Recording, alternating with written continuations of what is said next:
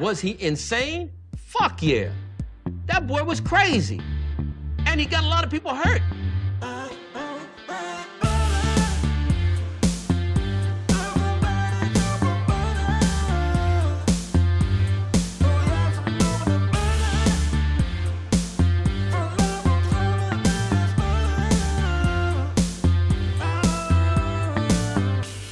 He doesn't like butter. I fucking love butter. I fucking love it.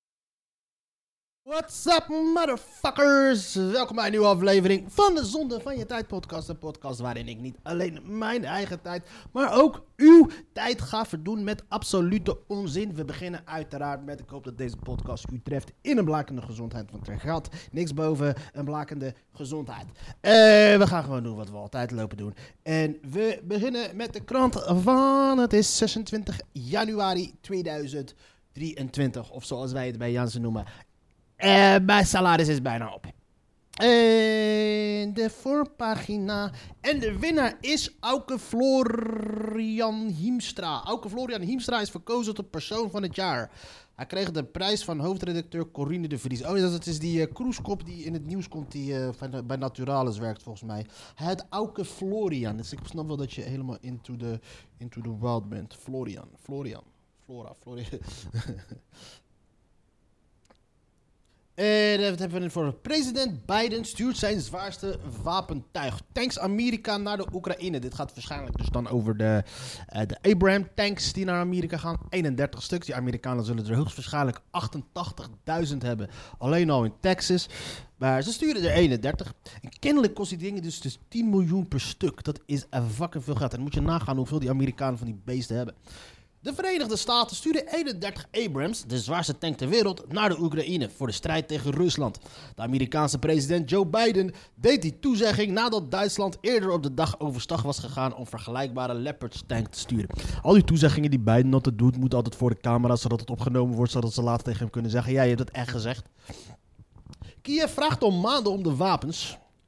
Hè, want Kiev die is een, eh, is een, eh, is een kind, verwend kind aan het worden. Kiev vraagt al maanden om de wapens en verwacht dat die belangrijk zijn voor het terugdringen van de Russische troepen.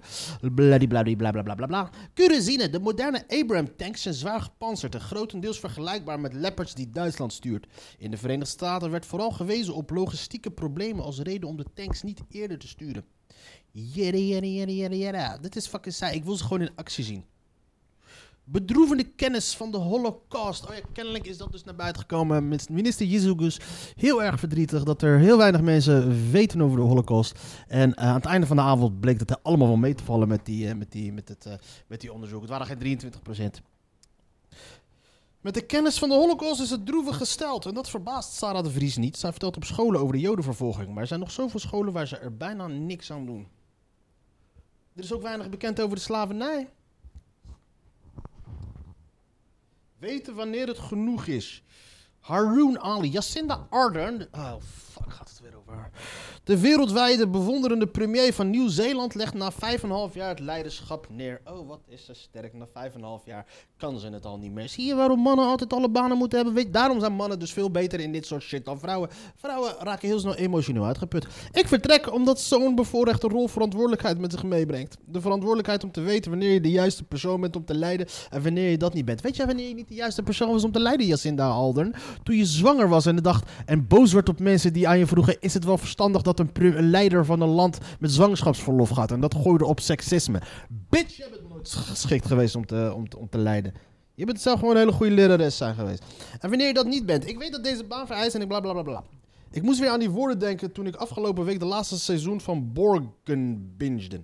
De ontknoping van de gelauwerde politieke dramaserie werd vorig jaar uitgezonden, maar mocht u net als ik achterlopen, stop dan nu met lezen. Eh, nu vraag ik me af of je Cinder ook naar de serie keek. Terwijl ze nadacht over nalatenschapsbeleid in Nieuw-Zeeland door meerdere crisissen, zoals de coronapandemie, de terroristische aanslag in Christchurch en de vulkaanuitbarsting op het eiland Wakari. Maar ze zal ook de geschiedenisboeken ingaan als de tweede regeringsleider die tijdens haar Amstermijn beviel van haar kind. En de eerste die met zwangerschapsverlof ging. Ja, dat is geen... eh, Ik weet niet wat mensen daarover lopen te zeiken, dat dat gewoon oké is. Ik, ik zeg niet, niet dat het niet oké is. Weet je, waarschijnlijk kan het land gewoon wel gerund worden. Want kennelijk is het land gewoon gerund terwijl ze er niet aanwezig was. Dus zo moeilijk is, het, is, is, is premier van Nieuw-Zeeland ze kennelijk dus niet zijn. Hè? De crisis, de coronapandemie-crisis. Oké, dat was misschien een beetje touwen, sjouwen en touwen. Ja, en, en met die Christchurch-crisis is het gewoon een beetje uh, sympathie tonen uh, voor de camera's. En met die uh, vulkaanuitbarsting. Ja, wat de fuck wil je gaan doen tegen een vulkaanuitbarsting dan? Ja, dat gebeurt gewoon, ja. Wat wil je dan gaan doen? Dus in hoeverre heeft zij een heel land geleid door bepaalde crisissen gegaan? Ze was toevallig de premier op dat moment. Wat ik bedoel, uh, Mark Rutte leidt ons ook nu dus door, door, door alle crisissen heen. Uh, ik, hij heeft de economische crisis, hij heeft de, de, de, de coronacrisis, de weet ik veel wat, genoeg crisissen. En maar de mensen die, die Jacinda allemaal adoreren, die zullen geen fan zijn van, van onze van, van Mark, Mark, Mark, Mark Rutte. Uh, Nijborg en Arden waren premiers die met empathie en daadkracht de top bereikten, maar die ook altijd werden beoordeeld op hun vrouw zijn. Ja, als je zwanger bent en ik daar een mening over heb, ja, dan kan dat haast niet anders dan dat, het, dat je, uh, ja, het is een onderdeel van het vrouw zijn zwanger worden, ja. Maar de overeenkomst tussen Nijborg, fictieve speech en Ardens toelichting in de echte wereld is vooral dat ze leiders zijn die weten wanneer het genoeg is. Ze wilden op hun manier het verschil maken, maar hebben niet meer te geven. Ze klampen zich niet vast aan de macht omwille van de macht. Of ze hebben totaal geen doorzettingsvermogen. Of ze hebben totaal. Stel je eens voor als het midden in oorlogstijd deze vrouw zoiets hebben. Ja, het kost me te veel energie, ik stop ermee. Leider van een land zijn hoor je eigenlijk niet te doen omdat je het leuk vindt, maar omdat je het moet doen, omdat het anders, omdat je ziet dat er heel veel dingen fout gaat. ik loop te veel, nu klinkt het alsof ik haar heel erg haat. Nee, maar ik irriteer mij aan haar verafgoding.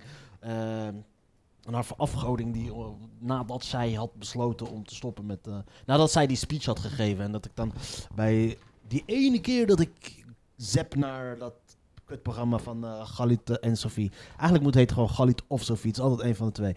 En dat ik zie ik ze daar een, een, een, een, een redacteur van Opzij of vrouw, weet ik veel, van Kratia, weet ik veel wat voor kut vrouwenblad. En die zaten daar dus dan haar helemaal de hemel in te helpen. En het, ging letterlijk geen enkele keer dat iemand zei van... ook als ze zo geweldige leider is... Uh, kun je me wat uh, beleidspunten, wat wetten die zij heeft doorgevoerd... wat voor... Uh, hoe heeft zij haar leiderschapskills getoond... los van hetgeen wat ze op televisie heeft gezien?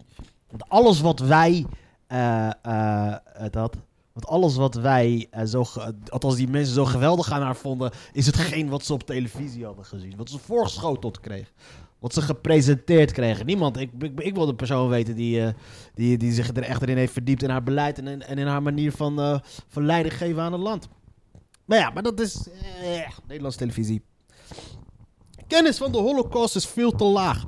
Er zijn nog zoveel scholen waar ze bijna niks doen aan de Holocaust. Wat moeten ze eraan doen dan? Het is toch al geweest. Zegt Sarah de. Sarah de? Op scholen vertelt de Amsterdamse over haar in de, over haar in de Tweede Wereldoorlog vermoorde nichtje Lineke. Ze verwijt de geringe kennis over de holocaust bij jonge generaties aan het haperend onderwijs. Het is bedroevend gesteld met de kennis van de holocaust onder de Nederlanders onder de 40 jaar. Blijkt dat onderzoek van de Joodse organisatie Claims Conference. Niet verrassend vindt Sarah de Vries. Die middelbare scholen afreist om leerlingen het verhaal te vertellen van haar nichtje Lineke. Die door de Duitsers werd vermoord omdat ze Jood was hoeveel scholen ik al heb gehad. Ik denk een stuk of 80, zegt de Vries. Die komende week in kamp Vught schoolklas. Die, die, komende week in kamp Vught schoolklas uit heel Nederland mag toespreken over haar nuchtje Lineke. Die in een vernietigingskamp Sobibor werd vermoord. Kijk er even lekker geld verdienen over de rug van, uh, van het dode nichtje. Net als Lineke's ouders. De vader van Sarah, Lineke's broer, overleefde de holocaust wel. Waardoor Sarah geboren mag worden. Al haar lessen op de middelbare scholen, waren, waarvan vele in Noord- en Zuid-Holland, begint ze met dezelfde zin. Het was helemaal niet de bedoeling dat ik zou leven. Sarah de Vries is een van de weinige naamstaanden van haar familie die het verhaal kan doorvertellen. Het is de kern van de holocaust, het uitroeien van de Joodse volk door de Duitse naties. Het is gewoon een heel goed businessmodel wat je daar hebt. Waarvan, waarmee ik niet wil zeggen dat de kennis van de holocaust uh, niet te weinig is. Um, het zou best wel. Er zijn te veel mensen die denken dat het allemaal bullshit is. En dat is wel verontrustend. Dat, ja, verontrustend. Dat is een idioot. Uh, of het verontrustend is, ja. Ik denk dat gebrek aan kennis over zeer essentiële, zeer eh, significante gebeurtenissen, bijvoorbeeld al eh, een, ehm, een eh, wat voor woord gebruikte ik nou net? Ik had een hele, ik, dacht ik ga een hele interessante gedachtepatroon uitzetten en dan ging, ga ik uitsluit, afsluiten met dat woord wat ik net zei. Maar nu ben ik dat woord dus vergeten waar ik naartoe wil werken. Het is gewoon fucked up, laten we het daarop houden. Hier woonde Anne Frank, maar hoe ging het verder? Oh, dat is nog een uh, Auschwitz. Ehm, neerhalen MH17 brengt Rusland voor de EU-hof. Nou, veel succes. Wat gaan, gaan we er doen? Nationale feestdag op 1 juli rond afschaffing slavernij kansrijk. Hm. Ze willen de discussies verschuiven. Minister Hank Bruin, Hanke Bruin Slot staat open voor het idee dat 1 juli een vrije dag wordt waarvoor de slavernijverleden wordt gedacht en het einde hiervan gevierd. Ze heeft herdenkingscomité dat zich bezighoudt met die verleden gevraagd om, om deze optie te onderzoeken, al kan zij daar zelf naar eigen zeggen geen besluit over nemen. Op 1, of 1 juli, dat gaat never ever gebeuren. Dat gaat never ever gebeuren. Oké, daar zijn we weer. Ik weet niet waar ik heb geknipt. Het werd aangebeld en ik ben de weg kwijt. Maar of, ah, fijn, luister. Wat had over slavernij verleden? Slavernij, of dat een vrije dag gaat worden, weinig kans. Ik denk dat heel Nederland op zijn kop gaat staan. Want dan ga je discussie krijgen over slavernij verleden. Oh, dan moeten we daarna zeker suikerfeest ook gaan doen. Alsof, eh, alsof, ja... Het is wel gewoon iets waar, alsof, alsof Nederland verantwoordelijk is geweest voor het suikerfeest. Jullie zijn wel verantwoordelijk geweest voor het importeren van de suikerfeest. Ehm, ik denk niet dat het gaat gebeuren. De Tweede Kamer heeft al langer de wens om 1 juli te verklaren tot Nationale Feestdag. In 2021 kreeg een motie van Salima Belhash. Uiteraard werd het D66 die weer met, dat met, haar, met dat, dit soort eh, signaalpolitiek komt. Een steun van de meerderheid. Ook werd de petitie ruim 60.000 keer ondertekend. Joh, luister eens. eh, ook al eh, dag van de afschaffing van de slavernij mag voor mij een vrije nationale fe- feestdag worden. Eh, de, de, de dag dat ze het hebben ingevoerd mag voor mij ook een feestdag worden. Eh, de holocaust, eh herdenking van de holocaust mag een feestdag worden. Het geboortedatum van Hitler mag voor mij een nationale feestdag worden. Eh, hoe meer nationale feestdagen, hoe beter. Hoe minder we hoeven te werken. Dus dat is gewoon simpel. Dus ehm mij maakt het allemaal niet uit. Ik hoop dat het gaat gebeuren, maar ik denk niet dat het gaat gebeuren. Omdat Nederlanders helemaal kierwiet gaan worden om, eh, om dit soort dingen. De Nederlanders zijn niet meer zo nuchter als ze vroeger waren. Weet je, No- de, de, de Nederland normaal zou zeggen, oh, nationale feestdag. Het boeit me niet wat voor... Niemand weet waarom, waarom we vrij zijn Pinksteren of uh, of eh neerslagochtend, weet ik veel wat allemaal. Niemand weet het. Het enige wat ze interesseert is dat ze vrij zijn. Maar als het dan opeens om, eh, om een slavernijverleden afschaffen is, dan worden ze helemaal kierwiet en dat soort shit. Bro, geniet gewoon van je vrije dag, je mafkees. Eh neerhalen MA17 brengt Rusland voor EU. Of joh, ook al brengen ze voor het EU, of er gaat geen moer veranderen. Belgen weten Nederlandse vlag uiteindelijk goed op te hangen. Steunt de Belgische premier Alexander De Croo stilletjes het boerenprotest in Nederland? Of dacht hij dat hij minister-president van de Duitse stilstaat Schleswig-Holstein op visite kwam? Waarschijnlijk blunderde het team van de regeringsleider door tijdens het werkbezoek van premier Mark Rutte onze nationale driekleur omgekeerd op te hangen. De Croo heeft de fout inmiddels rechtgezet. Belgen zijn echt... Wat moet ik zeggen over België, man? België, België, België. Het is gewoon bijna te, te gek om die mensen te ridiculiseren. Eh, weet je, België is geen echt land. België is gewoon een samengevoegd, eh, samengevoegd zootje. Een soort, eh, het is gewoon een soort van Zoetermeer of Almere van Europa. Het is, we- weet je, het, is, het heeft nog ineens een eigen taal. Het is letterlijk het... Hoe kan je een land zijn als je geen eigen taal hebt? De, de, sommige groepen hebben een eigen taal, maar geen land. Maar deze mensen hebben een eigen land, maar ze hebben nog ineens een eigen taal. De Koerden, die hebben nog ineens een eigen land en die hebben zelfs een eigen taal. Waar de fuck gaat het over? Ik zou, als ik die Belgen was geweest, zou ik dat Frans en Belgisch gewoon weg gaan doen en gewoon een nieuwe taal creëren uit het niets. Gewoon puur uit nationalistische en patriotische motivering. Poetin kan veel doen om het leven zuur te maken. Uiteraard gaat het. ik, ik denk dat dit gaat over de, de, de oor- oorlog in Oekraïne. Een reactie van Rusland op westerse levering tanks blijft voorlopig zwart gat. Nu het licht op groen staat voor de levering van Duitse Leopard 2 tanks en Amerikaanse Abrams aan de Oekraïne, is de vraag hoe reageert het Kremlin? is het Westen een rode lijn overgegaan. Kernwapens zal hij niet gebruiken, schatten experts in. Maar Poetin kan heel veel doen om het Westen het leven zuur te maken. Het lukt hem aardig nu. Uh, nucleair conflict, nee, gaat niet gebeuren. Rode lijn, wat zijn de rode lijnen? Ah, ja, Poetin, Poetin is gaan een pussy uit. Poetin is, is veel praatjes. Skeletten slag bij Waterloo lagen op zolder. Vakbonden streekvervoer dreigen met landelijke staking. Ik wil weten wanneer dat gaat gebeuren. Streekvervoer, ik geef geen om streekvervoer. Althans, een tijdje geleden moest een, een, een, andere comedian die gaf ook geen moer om streekvervoer. Dus die moest met, uh, met de trein gaan. En daarna moest hij dus de bus pakken. Maar aangezien hij geen moer gaf om streekvervoer, uh, las hij gewoon over dit soort berichten heen. Geldboete zwem, zwembad. De rechtbank Amsterdam heeft woensdag, ik weet niet wat het interessant is, 435 verwaarloosde honden weggehaald bij Fokker in Eersel. Mm Oké, wat voor honden zijn het? Iwadago. Vrijheidsdroom of statusgevoel? Caravan Beurs trekt verschillende klanten. Moeder en zus van Bolle Jos aangehouden. Bolle Jos die ziet er echt grappig uit.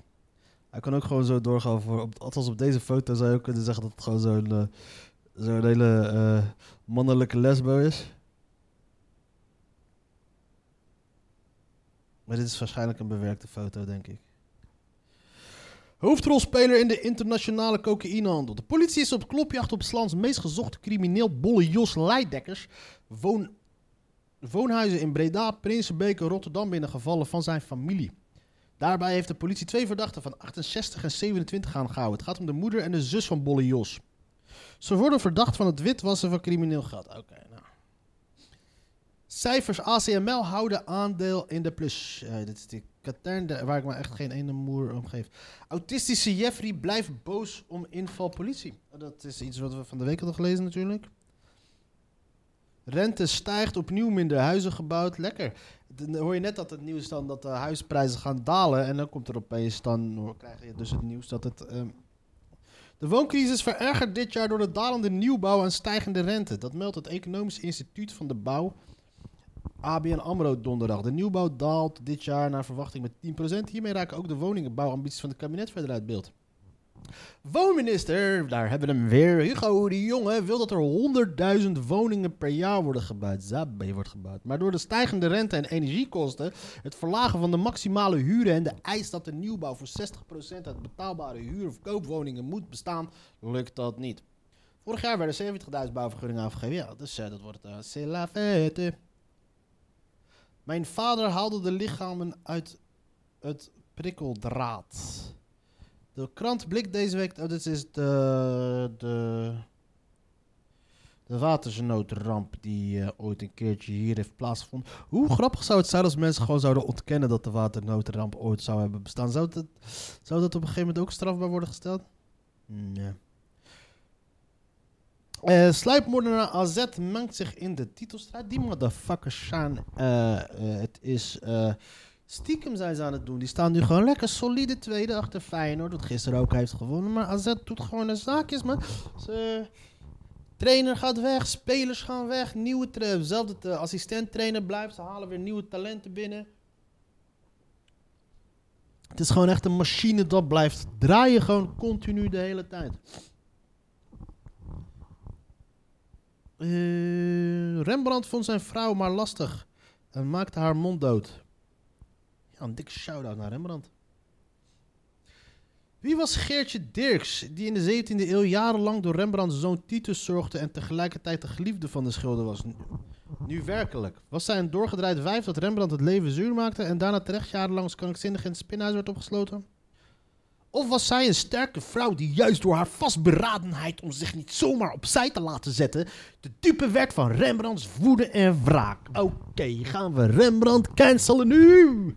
Is dit een vooropgezet? Is dit het begin van het neerzetten van Rembrandt als een psychopathische, vrouwonvriendelijke, patriarchisch ingestelde psychopaat en moeten we nu Rembrandt gaan cancelen? Ik ben benieuwd waar dit artikel naartoe gaat. Wat gaat over een toneelstuk van een of andere. Eh, van zo'n.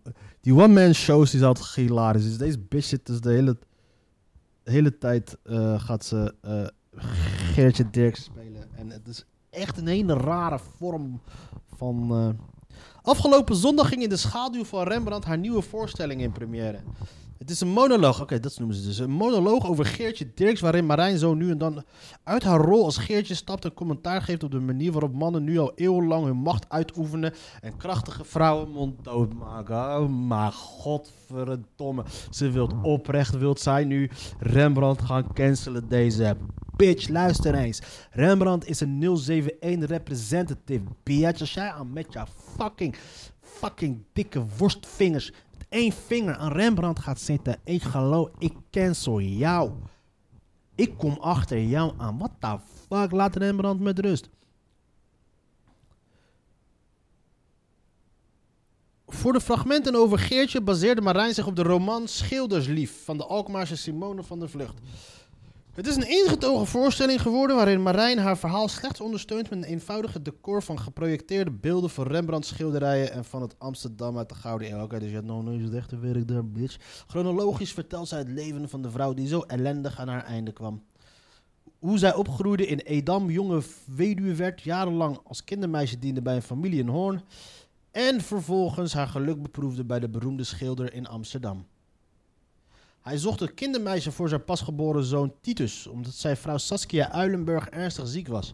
Toen Saskia overleed, bleef Dirk bij Rembrandt. Ze kregen een relatie, maar trouwen was onmogelijk, omdat Rembrandt in geval van een nieuw huwelijk alles wat hij van de rijke Saskia Uilenburg geërfd had, moest teruggeven aan haar familie. Ja, tuurlijk niet. Zie je, de artiesten die waren toen al eh, waren ze los. Dus Rembrandt, hij, kreeg, regelde voor zichzelf een rijke chick, alles. Zeven jaar lang leefden de twee daarom openlijk samen, zonder dit voor de wet op de kerk vast te leggen. Haar eigen familie verstootte haar daarom als zondige vrouw. Toen de 16 jaar jongere Hendrikje Stoffels verscheen, wilde Rembrandt van Geertje af. Zij verzette zich echter, daagde hem voor de huwelijkskrakeelkamer om haar recht te halen en nam geen genoegen met de jaarlijkse fooi waarmee hij haar wilde afschepen. Zie dat was het begin van, eh, van, de, van, de, van de alimentatie bullshit. Kijk, en deze busy vindt waarschijnlijk geweldig. Waarschijnlijk als het aan deze, deze vrouw lag, had, had, had die Geertje recht op de helft van alle schilderijen van Rembrandt. Die nu, kennelijk, zou dat nu gewoon eh, honderden miljoenen waard zijn. Maar kennelijk vindt deze actrice, vindt, zou dat, ik vul het alleen maar voor haar in, zodat het voor mij wat makkelijker rente wordt. Kennelijk zou zij dat helemaal geweldig vinden als zij, I take half, van het alles wat, al die meesterwerken die Rembrandt heeft gecreëerd. Ah, fijn. Waarna de schilder haar liet opnemen in de spinhouse in Gouda. Zie je, dat is dan hoe je met die vrouwen om moet gaan. Oh, ga bij de hand doen. Gekke haas. Oké, niet... eh Ik zeg niet dat ik dat vind dat het oké maar het is wel een fucking gangster move. Weet je, oh, jij gaat bij de hand doen. Gekke huis. In haar voorstelling presenteert Marijn de West-Friese Geertje als een slachtoffer van haar vrouw zijn. Ah ja, natuurlijk. Dit gaat niet alleen over Geertje, maar over al die vrouwen die door de eeuwen heen monddood gemaakt zijn en nog steeds monddood gemaakt worden. Luister eens, Rembrandt is een van de allergrootste artiesten op deze wereld. En dan vindt deze bitch een of andere manier toch om deze man die al 500 jaar dood is in, een kwaad negatief daglicht te stellen van kijk eens hoe die met vrouwen omging. Bitch, het is 400, 500 jaar geleden. Waar de fuck door mensen zoals jij, dan, dan wens ik gewoon weer terug naar die tijd. Dat vrouwen zoals, die zoals jij gewoon fucking irritant waren, gewoon naar een fucking gekkenhuis konden sturen. Jezus Christus, wat zijn dit soort mensen irritant. In haar voorstelling presenteert Marijn... lalalala. Eh, ze citeert uit Jacob Katz. Het huwelijk waarin de ideale vrouw als volgzaam en stil wordt omschreven... vraagt zich af hoe de wereld eruit zou zien als vrouwen nu eens een paar eeuwen lang de dienst zouden uitmaken. En stelt terloops ook vragen bij het bedrag van 175 miljoen euro. Het bedrag dat de staat in 2022 betaalt voor de vaandeldrager. En tevens het bedrag dat... eh, zie je, deze bitch wil gewoon Rembrandt cancelen. Ik zie je, ik begon, ik begon dit stukje met... Ik, begin, ik begon het lezen van dit stukje met het idee... Haha, hoe hilarisch zou het zijn als het, als het, als het uiteindelijk op neer zou komen... dat ze Rembrandt proberen te cancelen. En eindpunt is, het is nog echt waar ook. Ze, ze- ja, waarom hebben jullie dat gekocht? Waarom hebben jullie een schilderij gekocht van een vrouw... eh, van, een, van iemand die eh, een vrouw eh, weliswaar wel of niet slecht heeft mishandeld? Oh mijn god, woke is een probleem, mensen. Wokeism, het, het, het, het, het, het, emanciperen van vrouwen begint door te slaan. Nee, ik, nee. Oké, kijk, zie je? Kijk wat, kijk, kijk wat je met me doet. Je laat me dingen zeggen die ik niet meen. Nee, maar het, het, het, het, het woke gebeuren begint, is, is, is finaal aan het doorslaan. Ze het gewoon Rembrandt kans. Door te kiezen voor de... eh,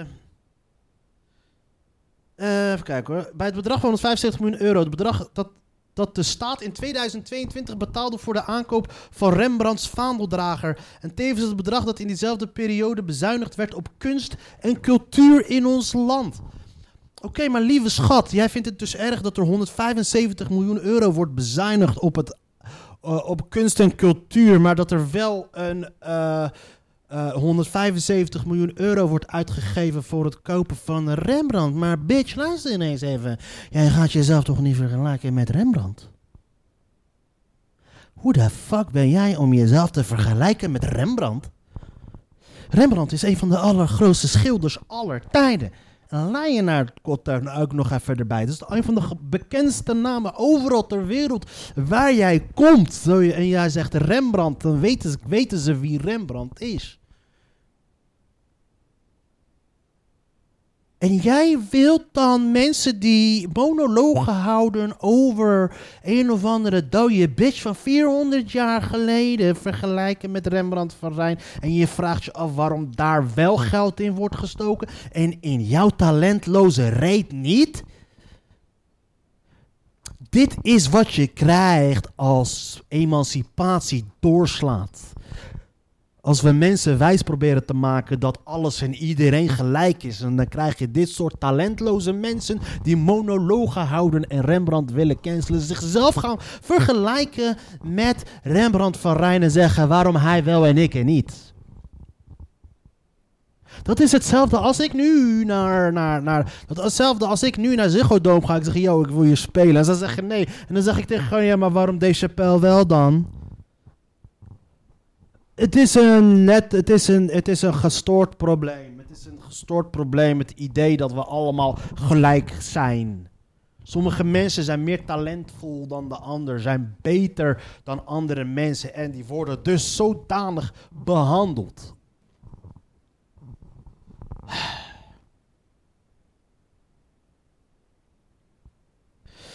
Door te kiezen voor de vertellende vorm blijft het verhaal van Geertje de meeste tijd wat afstandelijk. Ja, oh. Echt raken doet het je. Nee, fuck no. Daarvoor kleurt Marijn net iets te veel kleuren binnen, keurig binnen de lijntjes.